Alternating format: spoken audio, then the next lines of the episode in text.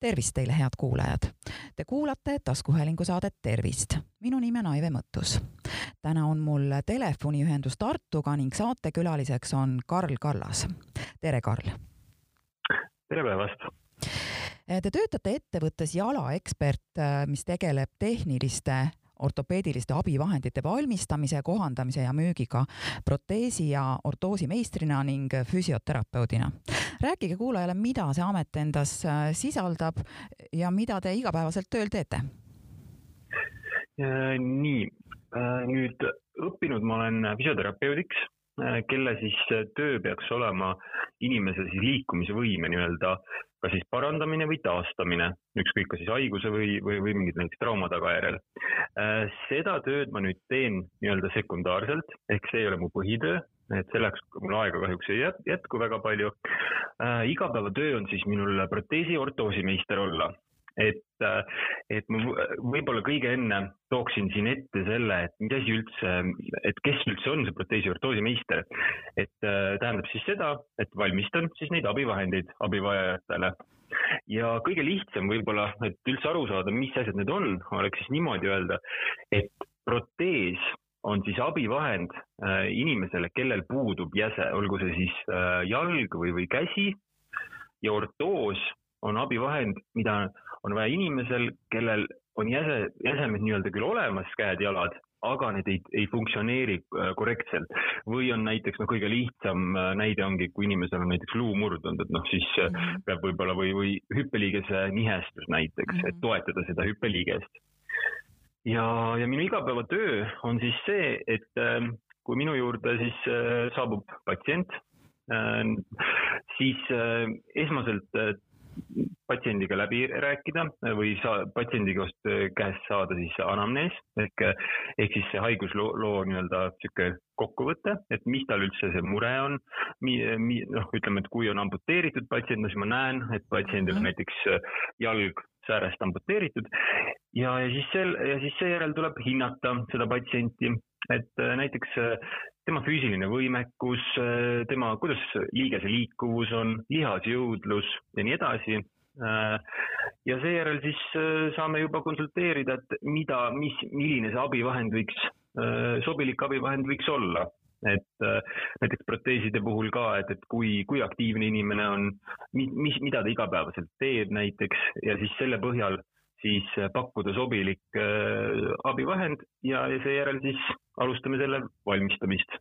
kas inimese vaimse. see on nii-öelda minu igapäevatöö. ahah, eh, no see on tegelikult päris palju tööd, aga küsin siia veel juurde, et kas inimese vaimne valmisolek proto-, proteesi või ortoosi kanda on ka oluline, kas te seda ka uurite? jaa, kindlasti, et äh, näiteks amputatsioonipatsientide puhul just kellel on siis olnud äh, äsja amputatsioon, siis tihti võib olla äh, äh, noh, nii-öelda ütleme, neid mõtteid on nii palju, muid mõtteid on peas, et ta ei, ta ei soovi või ta ei ole suuteline mõtlema selle peale, et ah, et ma nüüd hakkan uuesti liikuma või et ma tahan seda jalga saada, et tal on võib-olla mingid muud asjad peas. ja, ja ta ei olegi selleks nii-öelda valmis. et siis seejärel see, see, noh, siis tulebki lihtsalt anda inimesele aega ja, ja uuesti su, suhelda mingi aja möödudes. või teine asi on siis see, et, et me võime pakkuda patsiendile mingit väga head näiteks ortoosi, mingisuguse näiteks elektroonikaga, mis mhm. aitab siis seda näiteks, ma ei tea, kontrollib näiteks põlve liikuvust.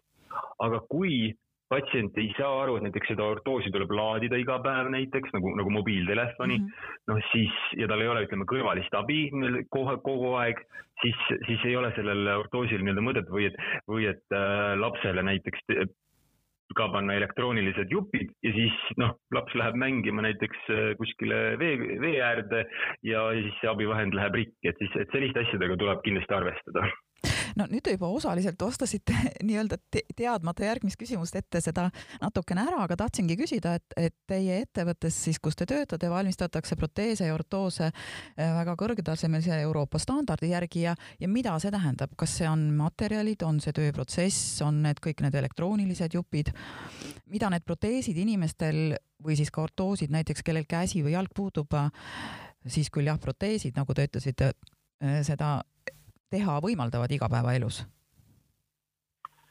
no kõrgetasemeline standard on siis see, et ütleme, et et kõik need äh, esiteks äh, ütleme, need metoodikad või, või siis äh, asjad, kuidas me valmistame neid, et need on ikkagi noh, juba aastakümnete jooksul nii-öelda välja töötatud, et, et nii-öelda otseselt jalgratast me leiutama ei hakka, kuigi iga inimesega tuleb jah, individuaalselt läheneda, et seal ei ole kunagi kindlat ühte nii-öelda viisi, kuidas tavaliselt valmistada päris seda asja.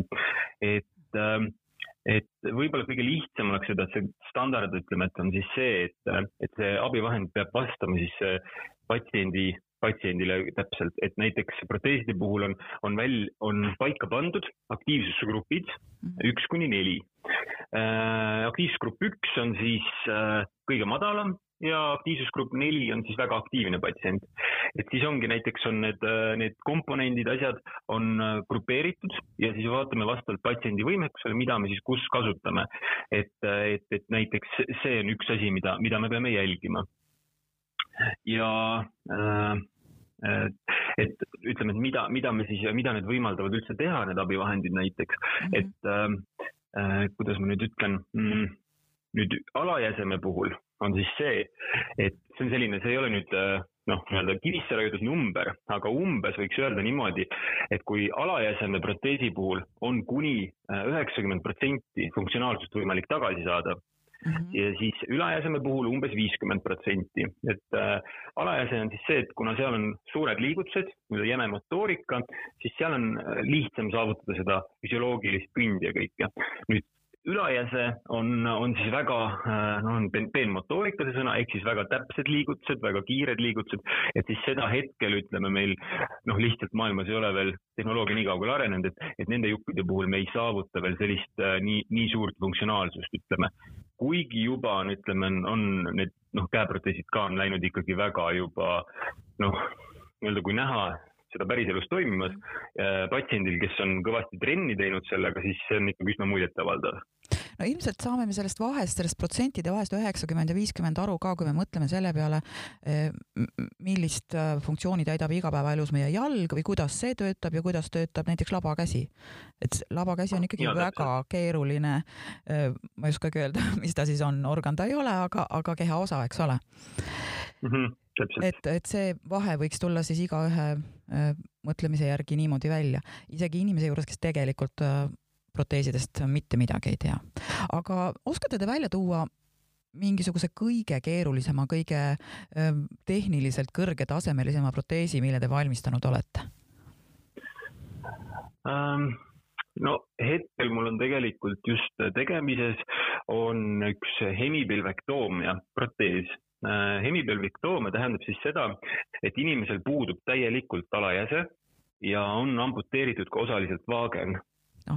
et, äh, et see on kindlasti, ütleme, selline keeruline, et miks ta on keeruline, on see, et äh, mida rohkem on nii-öelda, et see on nii-öelda kuldreegel, et mida rohkem on ikkagi eemaldatud, äh, ütleme jäset, seda keerulisem on, on meil valmistada, sest et, et selle patsiendi puhul on, on siis puudu nii hüppeliiges, põlveliiges kui ka puusaliiges ja et kõik see nii-öelda omavahel nii-öelda toimima saada, see protees, kõik need liigesed, et nad kõnni ajal õigesti, õiges suunas, õigesti töötaksid, õigel ajal nii-öelda, et see on päris kõva pähkel nii-öelda.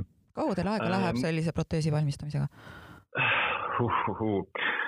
Äh, no ütleme niimoodi, et kui reaalselt võtta, ütleme kokku aeg, et kuna me patsiendiga esimest korda kohtusime ja millal protees valmis saab, siis tegelikult see on ikkagi üsna pikk protsess, et see kokku võtab oh,, ma pakuksin, ütleme no poolteist kuud, et seal sees on siis ka see, et ütleme, asjaajamine, äh, dokumentatsioon või siis ütleme, soodustuse taotlemine riigi poolt, Äh, asjade tellimine, proovid, et selliste keeruliste abivahendite puhul on alati siis see, et me teeme ikkagi, proovime, et millised komponendid patsiendile sobivad, et, et näiteks puusa neid äh, sõlmesid, mis puusaliigest asendavad, neid maailmas ei ole väga palju, neid on mõned ainult äh, nii-öelda jupid või, või nii-öelda tükid, mida me saame tellida ja proovida inimesele.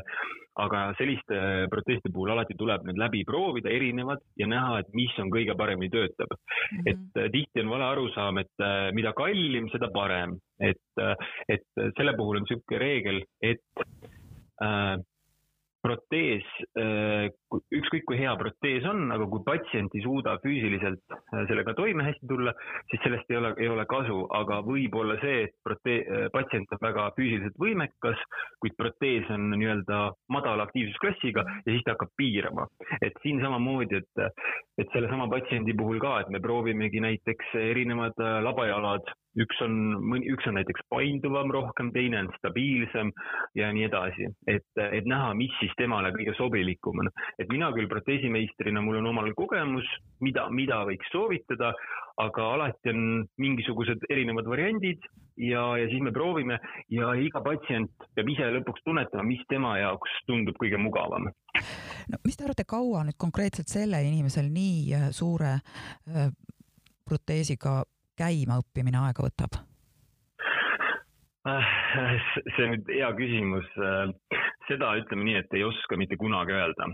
selle konkreetse proteesiga, kuna tegu on noore kolmekümnendates meesterahvaga, väga heas füüsilises, nii-öelda füüsi-, füüsilise võimekusega, mm, väga motiveeritud, siis tema puhul ma loodan, et selline noh, ütleme, ütleme esimene aasta on ikkagi selline harjumine ja seejärel juba võiks olla tema puhul sihuke, et noh, tuleb toime igapäevatoimingutega, et noh, ilmselt tuleb toime kiiremini, aga selline aasta ma pakuksin, et kus, kus ta peab kõvasti trenni tegema vaevnega, et juba hakkaks äh, nii-öelda see kõnni, äh, kõnnimuster välja tulema.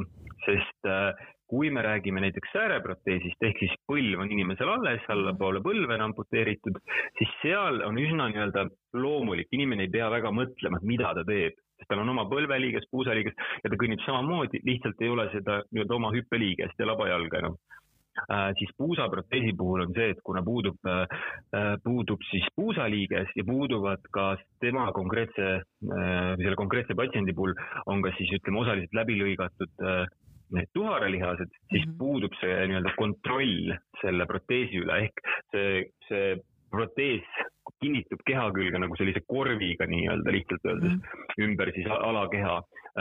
ja, ja siis ta peab seda liigutust, et see on selline noh, ta peab õppima väga niisuguse spetsiifilise liigutuse, kuidas ta hakkab sellega kõndima. et, äh, et see, see võtab aega, et seal peab nagu, nüüd eile ka, ta käis mul just õhtul oli pool, peaaegu terve päev oli, oli Tartus minu juures. Äh, et siis, kui enne oli küsimus, et äh, mida ma iga päev teen, siis füsioterapeudina oligi, et, et pool päeva läks aega, et see proteesi proov valmis teha ja saada sobilikuks kõik asjad nii-öelda omavahel klappima, siis teine pool päevast oli nii-öelda füsioterapeudi töö mul, kus me siis äh, proovisime, proovisime selgeks saada, kuidas seda sammu momenti sooritada ja, ja mm. näiteks mitte ainult sammu momenti, vaid ka seda, kuidas näiteks selle proteesiga istuda. ahhaa aga noh, põhi, põhimõtteliselt tegelikult see äh, juhus, millest te praegu rääkisite, näitab seda, et mis iganes põhjusel, olgu selleks siis haigus või õnnetus, inimene jäseme kaotab, siis äh, maailma lõpp ei ole käes, tunneli lõpus ikkagi, et paistab valgus? ja mina arvan küll, et, et, et val, valgus paistab ja, ja täitsa ere, et, et minu, minu tavaline küsimus, mida ma patsientidele esitan, kellega ma esimest korda kohtun, just, just esmased nii-öelda patsiendid, kellega, kes ei ole varem proteesi kandnud ja kes on äsja amputeeritud, on minu küsimus on see, et kas te ise olete huvitatud üldse sellest proteesi kandmisest, kas olgu siis käsi või jalg enamasti noh, suurem osa on ikkagi jalaamputatsiooniga, et kas te olete ise, kas te ise soovite kõndima hakata? Eh, enamus patsiente õnneks on alati, vaatavad mind natuke niisuguse naljaka pilguga, et, et jah, muidugi ma tahan. aga on ka näiteid, kus on viiekümnendates eh, meesterahvas täis, täis elujõus ja kui ta sai aru, et sääreprotees, et see ei ole nagu nii-öelda mingi robot, mis tema eest kõnnib, vaid ta peab trenni tegema, siis ta leidis, et aga ma ei, ma ei, ma ei viitsi, et ma istun parem ratastoolis. et selliseid näiteid õnneks on mul ainult noh, põhimõtteliselt üks näide ongi, et, et on küll neid, kes on nii-öelda proovinud proteesiga kõndima hakata saanud aru, et, et liiga raske nende jaoks, olgu see siis väga suur kehakaal, üldine noh, mingid kaasuvad haigused või, või miski muu. aga enamus on ikkagi, on õnneks on motiveeritud ja kui on motivatsioon olemas ja tahe, siis, siis kindlasti saab liikuma. kui hästi see on muidugi iseasi, aga lihtsalt näiteks tuua, et mul on äh, üks naisterahvas, kes on sääreamputatsiooniga ja ta on üheksakümmend neli aastat äh, vana ja saab edukalt hakkama. ta küll kasutab kõrget seda nii-öelda kitse või rollaatorit kõndimiseks, aga ta tuleb igapäevatoimingutega toime. et ta kõnnibki seal, ütleme, oma korteris, ta saab nii-öelda käia ühest toast teise, tualetti minna, et ta ei ole, ta ei ole nagu rata, ratastoolis igapäevaselt. et, et kui on tahe, siis kindlasti, kindlasti saab liikuma kas teil on tuua mõni selline näide ka, kus äh, on olnud teil patsient äh,, kes on kõndima hakanud nii, et kõrvaltvaataja ei saagi aru, et tal on protees? Äh, jaa, võin lihtsalt näiteks tuua, et siin, kuna ma ise, ma töötan küll Tartus, aga ma sõidan ka üle Eesti, äh, näiteks noh, igal pool, kuhu vaja on, teen, teen ka koduvisiite, et paljud inimesed ei saa liikuma lihtsalt, ei ole võimalik. Siis äh, mul on olnud olukordasid, kus on äh, patsientidega seda, et, äh, et ma näiteks teen uue proteesi, nii-öelda paremad komponendid äh,, lähen kohale, kohandame kõik ära, et kõik sobib, säti, reguleerime nii-öelda paika. Ja, ja siis pea on võib-olla väsinud, juba pikk, pikk päev on selja taga, ütleme, tööpäev, õhtu on juba käes. Ja, ja siis äh, inimene juba noh, kõik on head, noh kontrollime veel üle, et lasen natuke kõndida, ootan veel veidikene.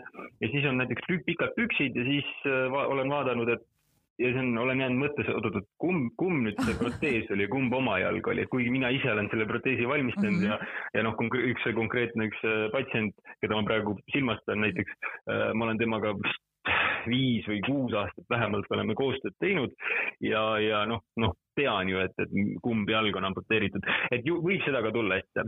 et, et kui nüüd minna tagasi selle eelneva, selle kõige keerulisema proteesi juurde, siis see, see puusaprotees, siis, siis seal kahjuks on see, et noh seal ikkagi see, see ei tule selline kõnnimuster, mis on nii-öelda tavainimesel. et seal on aru saada, et midagi on, et noh, võib-olla isegi äh, konkreetse patsiendi puhul ei pruugi inimesed aru saada, et ta on kõik proteesiga, võib-olla vaadatakse, et mingi noh, selg on väga haige mm, -hmm. täpselt jah, kõnnak on selline naljakas. aga, aga et, et mingi, ütleme, eks see on natukene selline, minu puhul on see, et kui ma tänava peal kõnnin, ma muidugi, ma saan aru, et, et kas patsiendil on võib-olla labajala näiteks halvatus või on ta proteesiga kõnnib, et jääb silma, et noh, see on lihtsalt selline erialane kretinism, aga, aga, aga jah, et on neid patsiente, kes, kellel ei pruugi aru saada, et võib-olla nagu vaat-, inimesed vaatavad, et noh, lihtsalt kergelt lonkab, et jalg on haige mhm. või midagi, aga, ja on ka neid, kes tõesti kõnnivad peaaegu nii, et, et ei saagi midagi aru. aga et seda saavutada, siis peab olema väga hea protees valmistatud inimesele ja inimene ise peab väga palju vaeva nägema mm. -hmm. et lihtsalt tuua näiteks, kui ma olin äh, Saksamaal koolis, kes meil olid nii-öelda demopatsiendid, siis oli, seal oli patsiente, kes on kakskümmend ja rohkem aastat proteesikandjad, nii-öelda noores eas on juhtunud näiteks mingi trauma ja nad käivad ikka veel nii-öelda kolme kuni kuue kuu tagant käivad füsioterapeudi juures ja treenimas, kuigi nende kõnd on väga ilus. no tõesti, et, et kui ei tea, et on protees, ei saa aru aga see ongi see, et kogu aeg on järjepidev töö, nad käivad pidevalt, teevad selle jaoks trenni, et see kõnd oleks ilus mhm. ja, ja, ja käivad füsioterapeudi juures, kes siis vaatab üle, et vot seda tuleb parandada või toda tuleb parandada mm. -hmm. aga nüüd teil on need ametid kombineeritud, et kui palju ja mil moel aitab teid proteesimeistri töös see, et te olete õppinud ka füsioterapeudiks? Äh, ma arvan, et, et päris palju et, äh, et füsioterapeut ongi, et äh, füsioterapeudi ütleme, mm, et ma ise tunnen, et mis see annab mulle, on siis see, et ma oskan nii-öelda inimest vaadata tervikuna ja näen seda nii-öelda liikumise, neid liik-, liikumist võib-olla paremini ära, et mis, et kust tuleb see nii-öelda probleem, et äh, kui mingisugune proteesiga patsient kõnnib ja on mingi, mingisugune mure, et kas see tuleb nüüd sellest, et, äh, et proteesil tuleks midagi muuta või hoopis äkki tuleks äh, hoopis midagi nii-öelda trenni natukene teha, tugevdada näiteks tuharalihaseid, mis on tihti nõrgad või, või on näiteks liigesliikuvus natukene väike et mm, -hmm. et, et ma tunnen või noh, kui ma ka näiteks Saksamaal koolis käisin, siis äh, need oli, see ei olnud küll nüüd, see oli nii-öelda nagu täiendkoolitused ja, ja seal, kui mina olin füsioterapeut ja enamus äh, minu kolleege olid lõpetanud nii-öelda ülikooli proteesi ortoosi meistrina,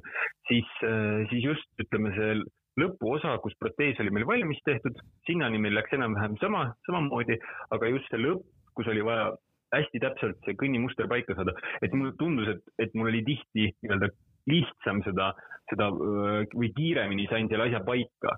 tulemus oli lõpuks sama, aga, aga mul kuidagi endale tundus ka, et, et ma näen seda pilt, üld- või tervikpilti lihtsamalt mm. -hmm aga oletame nüüd, et on juhtunud autoõnnetus ja noore inimese üks jalg on nii palju viga saanud, et see tuleb amputeerida.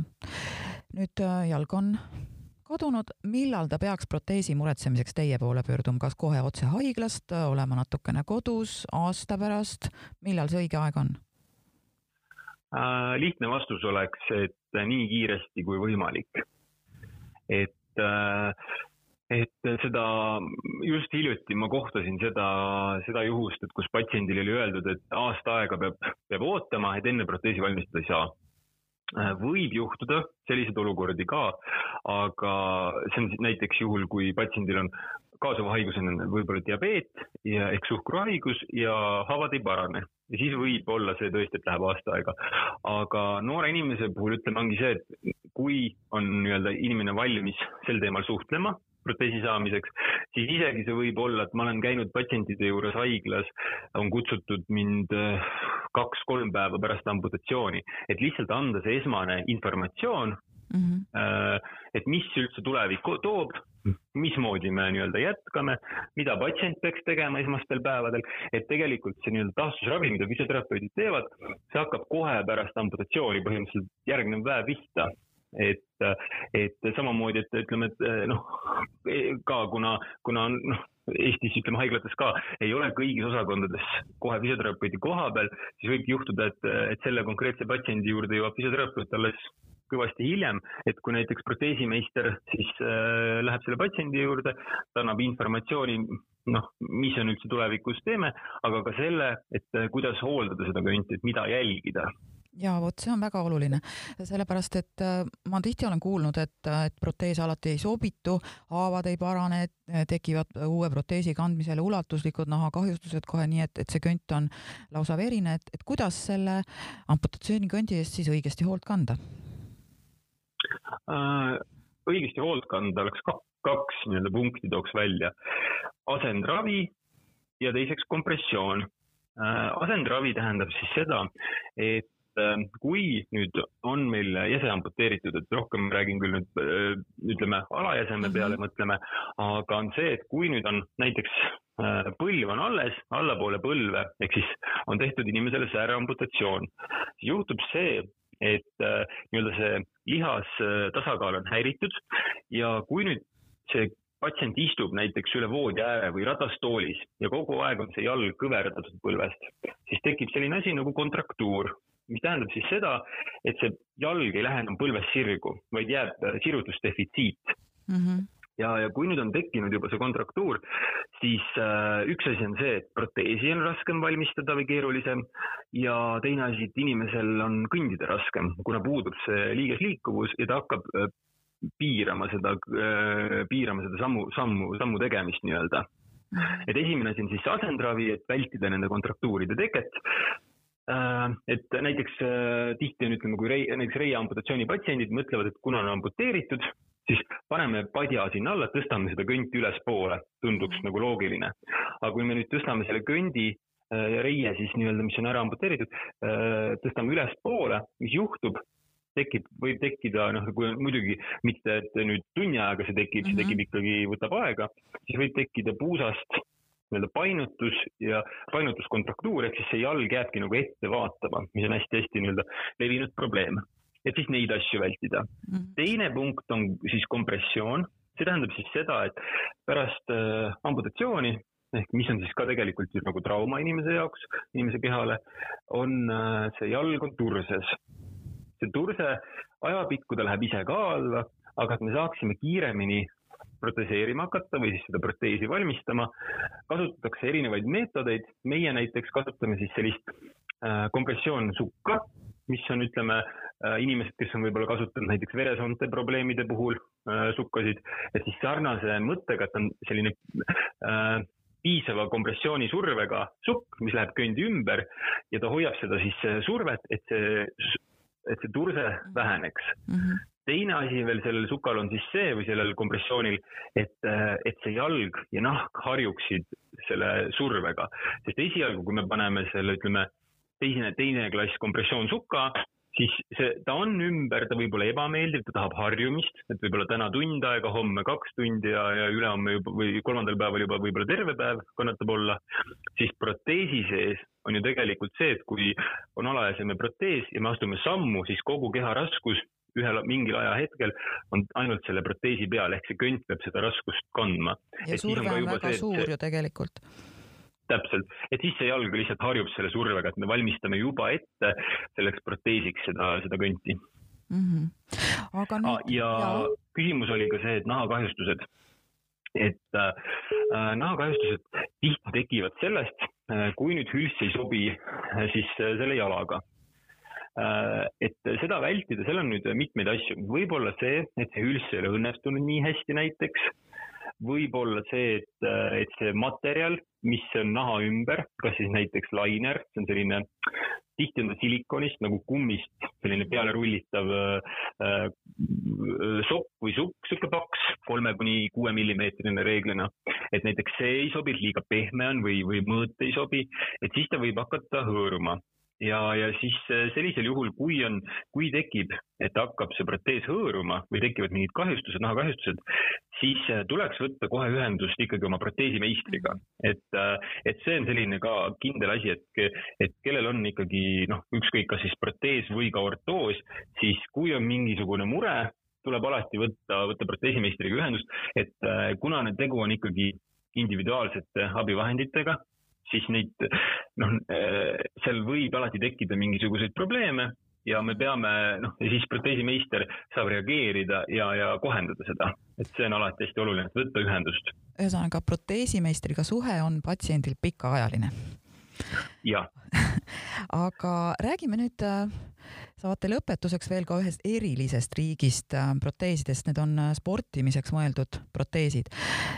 noh, paljud meist on neid teleekraanil näinud spordivõistlustel mõnikord, aga olete teie ka neid valmistanud ja, ja milles seisneb nende eripära võrreldes teiste nii-öelda tavaliste igapäevakasutuses olevate proteesidega? Äh, nüüd Eestis ma pean tunnistama, et ma ei ole ühtegi valmistanud. Äh, see tuleneb peamiselt sellest, et patsiente on olnud, kes on soovinud, aga hetkel meil kahjuks äh, nii-öelda seadusandlus või ei, riik lihtsalt ei, ei kompenseeri siis teist proteesi, olgu see siis sportimiseks või, või, või võib-olla ka lihtsalt spetsiaalselt töö tegemiseks, et ette on nähtud, et ühel inimesel üks protees, mis siis võiks ka, mis nüüd on, ütleme on tänapäeval juba võimalik valmistada igapäevaproteese, mis kannatavad ka kerget sportimist, kas siis sörkimist, pallimänge ja sellega võib ka niisama kõndida nii-öelda tänava peal. kui me räägime nüüd päris spordiproteesist, mida siis telekas on inimesed näinud, äh, siis nende puhul kõige suurem nii-öelda võib-olla erinevus on siis see labajalg, mis ei näe üldse inimese jala moodi välja on tihti selline kas suur C-kujuline või S-kujuline ja ta töötab nagu vedru. Mm -hmm. ehk siis äh, äh, spordiprotees on alati inim- äh,, pikem kui oma jalg inimesel äh, kuni seal kuskil viis sentimeetrit. Ja, ja kuidas siis töötab, inimene peab kogu keha raskusega äh, hoo pealt nagu astuma selle proteesi peale, see C nagu vedru vajub kokku ja ära tõukelda viskab siis või tõukab inimest edasi. et, äh, et seal ka kindlasti on see, et mul minu käest on küsitud, et, et aga paneks selle, et siis mul oleks ju palju lihtsam kõndida, et paneme selle spordilaba. siis äh, niisama kõndimiseks need ei sobi, kuna seal puudub äh, kand ehk siis mhm. ei ole võimalik astuda seda nii-öelda nii nagu me, nii nagu üle kanna ei saa astuda. üle kanna ei saa astuda täpselt ja, ja, ja siis nendega nii-öelda igapäevaselt kõndida, nad ei ole nagu sobilikud selle jaoks mm. -hmm. aga noh, põhimõtteliselt hea teada ju, et selline võimalus on siiski maailmas olemas ja, ja kellel endal praegu raha on, saab ju tegelikult Eestis ka selle muretseda ja seda küll, niimoodi on võimalik, et lihtsalt võib-olla, et, et mis seal veel on, ütleme, et neid spordiproteesi komponente maailmas ei ole eriti palju, kuna see on ka ikkagi väga kitsas selline äh, nii-öelda ala, neid inimesi, kes kasutavad neid ei, ei ole maailmas palju, aga seal on natukene, mis on erinevused, on tihti see, et näiteks jooksmiseks ka, et, et on olemas sprindialad mis on siis lühimaad joosta, seal võib-olla näiteks sada meetrit ja on olemas siis äh, labad, mis on mõeldud pikemaks äh, jooksmiseks, siis äh, noh, näiteks võib-olla kümme kilomeetrit kuni maraton mm. -hmm. et, et, et seal on ka, et ei ole nagu universaalselt, et ikkagi on päris spetsiifiline see värk nii, aga kui nüüd inimesel, kes vajab proteesi või ortoosi, tänast saadet kuulates teie vastu huvi tekkis, siis kuidas ta teid üles leiab? kõige lihtsam, ma arvan, et on internetist trükkida jalaekspert.ee et ekspert on siis X-iga mm. -hmm. või, äh, või siis helistada numbril seitse neli null kaks kolm üks kuus. et, et, et, et need on võib-olla kõige lihtsamad mhm. meili teel või noh, ütleme kodulehelt või siis telefoni teel Nonii, igatahes väga hea informatsioon kõigile kuulajatele, tänan teid, äh, Karl mm. -hmm mina tänan teid ka, aitäh! head kuulajad, te kuulasite taskuhäälingu saadet Tervist. saate leiate Delfi podcastide pesas tasku, nutirakenduste Spotify, Apple Podcasts, SoundCloud ja teised. hakake jälgijaks ja kuulake just teile sobival ajal. ettepanekuid teemade kohta, mida saates käsitleda, ootan teilt e-posti teel aadressil tervist.maaleht.ee minu nimi on Aive Mõttus, olen Maalehe taskuhäälingu saate Tervist toimetaja. tervist teile!